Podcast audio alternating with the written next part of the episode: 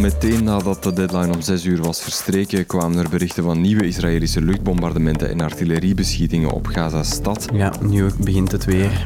De bommen beginnen weer te vallen. Wat leverde de gevechtspauze in Gaza op? Met Spotify Wrapped. Brihang bij jou?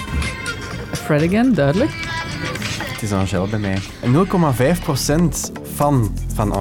Jij? Ja. Amai. Dat is veel, hè? Maar hoeveel verdienen die artiesten eigenlijk aan jouw streams op Spotify? Paul Nardi van Gent die trapte een bal uit, eh, de doelman, en hij breekt dus zijn been daardoor. Meteen een open beenbreuk. Het was verschrikkelijk om te zien. Er was niemand tegenbotst of wat dan ook. Gewoon uit het niets precies. En hoe kan je een open beenbreuk oplopen zonder contact met iemand anders? Ik ben Lode Roels en hopelijk raak ik zonder kleerscheuren het komende kwartier door. Welkom.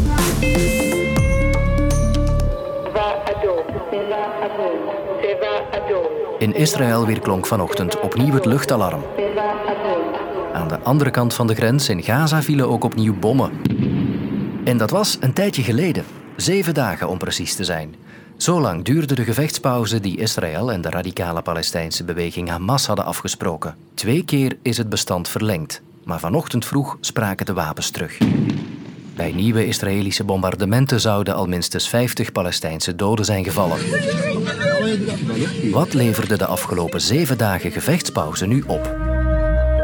Ik schakelde twee hulplijnen in. Ik ben eh, Jens Franse, buitenlandjournalist bij VRT Nieuws. Ik ben Ruud van de Wallen, ik ben correspondent en ik woon en ik werk al meer dan 15 jaar in het Midden-Oosten. Jens was onlangs nog in Israël en Ruud trok verschillende keren naar de grens met Gaza. Ze krijgt dagelijks updates van mensen in het gebied.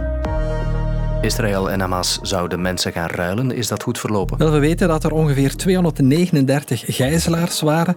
We weten voorbije week zijn er 80 van die Israëlische gijzelaars vrijgelaten. Daarnaast ook nog eens 20 buitenlanders, hoofdzakelijk mensen uit Thailand. In ruil zijn dan eh, Palestijnse gevangenen vrijgelaten. De ruil was voor één Israëlische eh, gijzelaar worden er drie gevangenen vrijgelaten. Dus ja, dan kom je ongeveer op 240 Palestijnse gevangenen die zijn vrijgelaten. Israël zegt dat Hamas geen gijzelaars meer kan of wil vrijlaten. Wat zit daarachter, denk je? Wel, ik denk dat er dan drie versies zijn. Eén, ofwel wil Hamas dat niet, ofwel kan Hamas dat niet, omdat het bijvoorbeeld een aantal van die mensen gewoon niet meer terugvindt. Of drie, misschien slaagt Hamas er ook niet in om die onderhandelingen in de Gazastrook zelf met die andere terreurgroepen, bijvoorbeeld Islamitische Jihad, om die onderhandelingen tot een goed einde te brengen, zodanig dat het opnieuw zou beschikken over voldoende gijzelaars. Kregen de burgers van Gaza wat meer ademruimte de afgelopen week? Die pauze is heel belangrijk geweest voor de mensen en vooral voor de kinderen in Gaza. Na 50 dagen dag en nacht gebombardeerd te worden met de kans op je eigen leven, is zo'n pauze van zeven dagen een, een eerste ruimte om adem te halen, om eventjes ook uh, buiten te zijn uh, en om bijvoorbeeld te gaan zwemmen in de zee, zoals veel mensen hebben gedaan in die zeven dagen pauze. Het is ook een ruimte geweest voor de Gazanen zelf om de schade die is berokkend in die 50 dagen van intensieve bombing, om die in, in de kaart te brengen en in beeld te brengen. Er was ook veel humanitaire hulp beloofd. Is dat gebeurd? Ja, er is inderdaad heel veel aandacht geweest voor de noodhulp die Gaza is binnengekomen. Maar als je kijkt naar de cijfers van het aantal vrachtwagens met hulp die binnengeraakt zijn in Gaza, dan kun je eigenlijk niet meer zeggen dat het een druppel is op een hete plaat en dat je eigenlijk de facto moet spreken van nog steeds een totale blokkade van Gaza. Ik ben zelf ook bij de grens met Rafah geweest waar die hulp binnenkomt. En wat er eigenlijk vooral wordt toegelaten is enerzijds medische hulp, medicijnen, uh, verbanden, um, ja, spullen om operaties te kunnen uitvoeren. En anderzijds natuurlijk ook eten. En um, ook in heel kleine mate wat drinken, water, want daar is een hele hoge nood aan.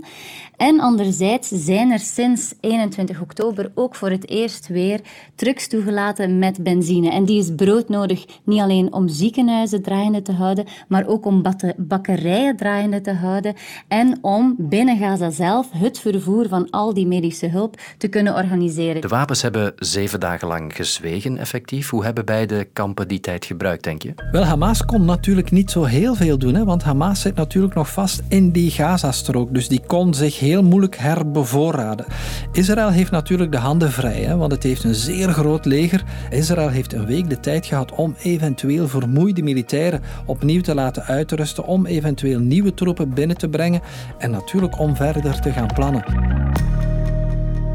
En tot slot nog de conclusie van Jens. Mocht je mij nu vragen van wie heeft gewonnen deze voorbije week, ik denk dat er twee winnaars zijn. Aan de ene kant Israël, want dat heeft om en bij toch een kleine helft van al die gijzelaars zijn vrijgekomen, vrouwen en kinderen. Twee, wie nog heeft gewonnen, is natuurlijk die Palestijnse bevolking. Want die hebben een week rust gekregen en er is meer noodhulp gekregen. Ja, Hamas, denk ik, zit toch in het verliezende kamp. Want uiteindelijk heel veel hebben zij niet kunnen doen. Ze hebben geen nieuwe posities kunnen innemen. Ze hebben niet opnieuw kunnen bevoorraden.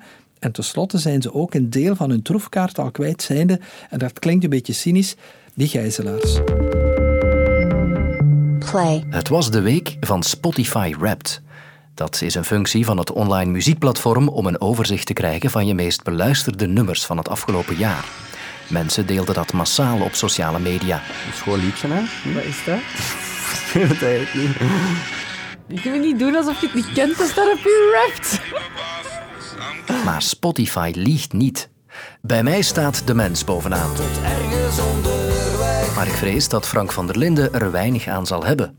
Want artiesten houden amper iets over aan al die luistersessies op Spotify. Klaes Lemmes kan me uitleggen hoe dat zit. Ik ben manager en marketeer voor een heleboel artiesten in de klassieke en uh, popgenres. Um, en ik hou graag uh, mijn oor bij de grond als het aankomt op uh, business nieuws, zoals bijvoorbeeld Spotify. Add to playlist. Het um, verdienmodel van Spotify, of tenminste hoe de vergoedingen worden berekend, dat wordt angstvallig een beetje geheim gehouden. Dus we weten wel dat het niet zo recht toe recht aan is als het soms wordt vermeld in de media, um, waar gezegd wordt één stream is 0,000 zoveel cent. Het is iets complexer dan dat, omdat het heel veel te maken heeft met abonnementen die in verschillende landen verschillende prijzen hebben. Het heeft ook te maken met de deal die een artiest gesloten heeft met zijn of haar label bijvoorbeeld, of met een distributeur. Maar het is wel zo dat uh, Spotify wel bij de slechtste betalers is van de streaming services die er momenteel bestaan.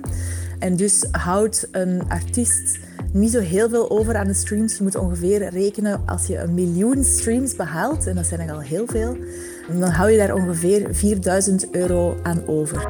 En deze week, in de schaduw van de lijstjes,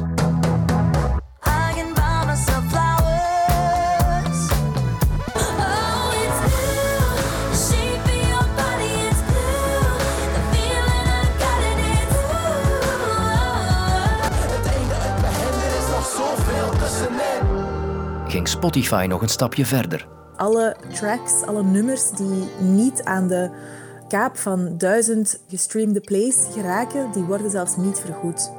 Um, en dat blijkt een heel groot deel te zijn van de catalogus. Die inkomsten komen op ongeveer 40 miljoen. En die vallen dus nu allemaal weg. Die worden niet uitgekeerd aan de rechthebbenden.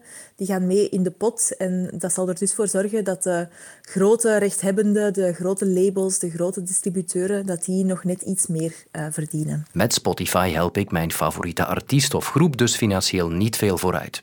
Maar er zijn natuurlijk nog andere manieren. Online wat goed zou zijn, is om een keer te bekijken welke andere uh, platformen er eventueel um, ook handig zijn voor jou dan. Um, het enige wat dan nog slechter uitbetaalt dan Spotify is YouTube. Dus dat moet ik dan toch meegeven als je het toch zou veranderen uh, van platform, om het dan niet bij YouTube te gaan zoeken, want die zijn, uh, dat zijn echt de wanbetalers van de sector. En offline. Sowieso een ticket kopen voor een concert, zeker als het over een, een, veel kleinere show gaat, dan is dat een veel betere manier om de artiest te steunen. Als je kijkt naar een aantal decennia geleden, was het zo dat de artiest veel minder verdiende aan live toeren dan aan de cd-verkoop. En nu is dat helemaal omgekeerd. Dus de live sector is een veel groter deel geworden van die hele muzieksector. En um, daar vloeit veel meer geld terug naar de artiest. En wat dan meestal ook een hele grote steun is voor een artiest, is als je bijvoorbeeld merch koopt. Er zijn heel veel artiesten die bijvoorbeeld rond de feestdagen merch verkopen, van truien tot uh, bepaalde eh, special editions van uh, muziek en dergelijke. Dus dat zijn de beste manieren om, uh, om een artiest te steunen. En het is ook altijd heel fijn, en dat geeft ook een stukje voldoening om een jonge band van, van het begin van hun carrière te kunnen steunen.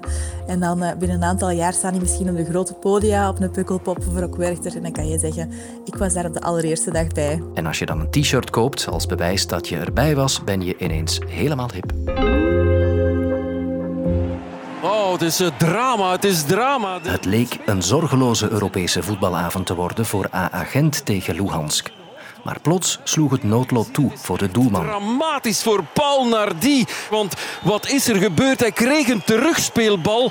En eh, bij het wegtrappen met zijn rechtervoet kraakt gewoon de hele ondervoet van Paul Nardi. En dan hoort je zo een oerschreeuw. En die man die grijpt naar zijn been. En je ziet dat de enkel en het been dat dat eigenlijk enkel nog door de voetbalsok verbonden is. Oh, die voet, ja, ik wil het niet beschrijven, die hangt er maar wat aan. oh, jongens toch. Geschift. Zonder dus contact. Het is niet dat een andere speler eens een goede saflet heeft verkocht. Hoe is dat gebeurd dan?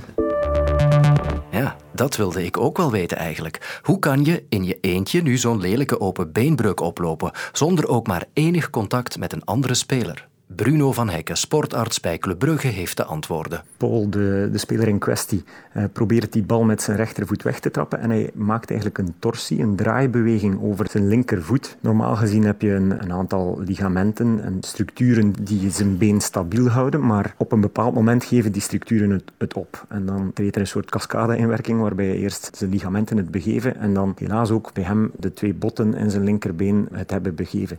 En dat komt eigenlijk omdat die, dat torsiemoment en die hoek die hij maakt te groot zijn om op dat moment stabiel te blijven.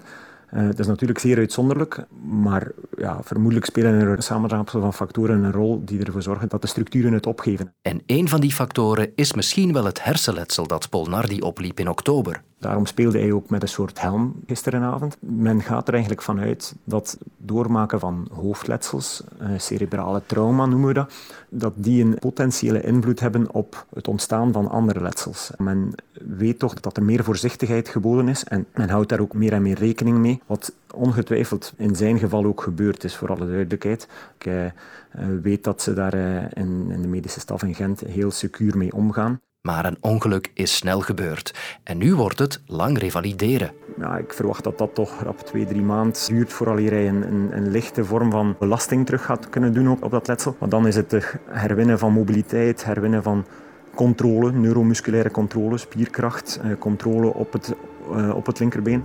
Die botten zullen zich herstellen. Paul is een jonge sportieve kerel die heel veel herstelcapaciteit heeft. Die eigenlijk zichzelf ook altijd topfit als een, als een, een modelprof verzorgd heeft. Ik heb er zelf ooit ook een uh, tweetal jaar mee samengewerkt op Cercle en ik ken hem dus een beetje. Dus uh, fysiek gaat hij dat zeker te boven komen. Gelukkig maar. Nardi is intussen ook aan zijn enkel geopereerd en de club heeft er alle vertrouwen in dat het fysiek wel goed komt. Maar ook mentaal kan zo'n ongeluk zware sporen nalaten. En dus belde ik ook even met sportpsycholoog Stefan Puijenbroek. En hij schrijft naar die nu vooral rust voor. In deze situatie is in eerste instantie vooral steun en rust belangrijk. Maar in een volgende fase, en die is vermoedelijk al begonnen, zal een zeer goede medische uitleg belangrijk zijn, zodat deze man perspectief krijgt en duidelijkheid. Maar de langste weg die hij eigenlijk af te leggen heeft, mentaal dan, is vertrouwen gaan terugkrijgen in zijn lichaam. Kan goed zijn dat het brute pech is. Daar hebben mensen nogal moeilijk mee, brute pech, want ze willen graag voorspelbaarheid. En dat kan zijn, ja, naarmate de revalidatie vordert, dat er bepaalde blokkades gaan optreden. En dat is dan niet per se door bepaalde heel bewuste gedachten die je hebt, maar dat is ergens nog in je hersenen waar iets getriggerd wordt en zegt van nee, dit is te gevaarlijk, dit gaan we niet doen.